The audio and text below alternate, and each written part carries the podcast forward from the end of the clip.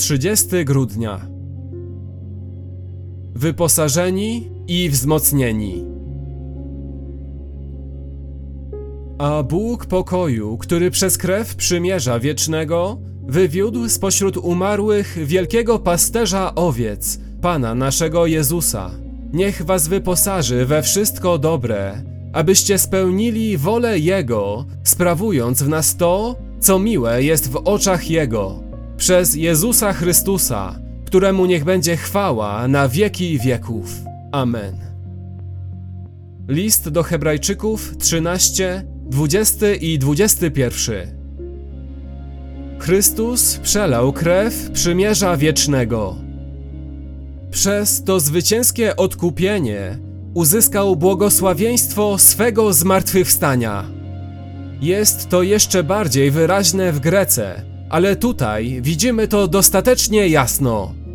Bóg przez krew przymierza wiecznego wywiódł spośród umarłych Pana naszego Jezusa.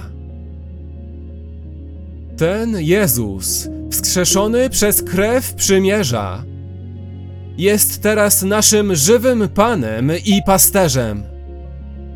I z powodu tego wszystkiego Bóg czyni dwie rzeczy. Pierwsza, wyposaża nas we wszystko dobre, abyśmy spełnili wolę Jego. Druga, sprawuje w nas to, co miłe jest w oczach Jego. Wieczne przymierze, zabezpieczone krwią Chrystusa, jest nowym przymierzem.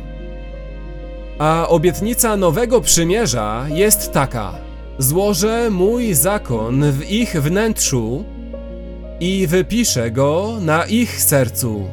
Jeremiasza 31:33. Dlatego krew tego przymierza nie tylko zapewnia Boże wyposażenie nas, abyśmy wykonywali Jego wolę, ale również zapewnia, że Bóg będzie działał w nas, aby to wyposażenie było skuteczne. Boża wola nie jest zapisana tylko na kamieniu czy papierze jako środek łaski.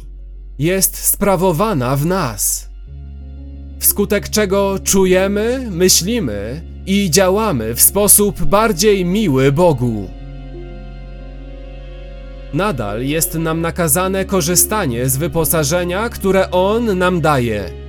Z bojaźnią i ze drżeniem zbawienie swoje sprawujcie.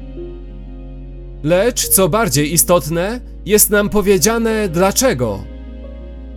Albowiem Bóg to, według upodobania, sprawia w was ich cenie i wykonanie.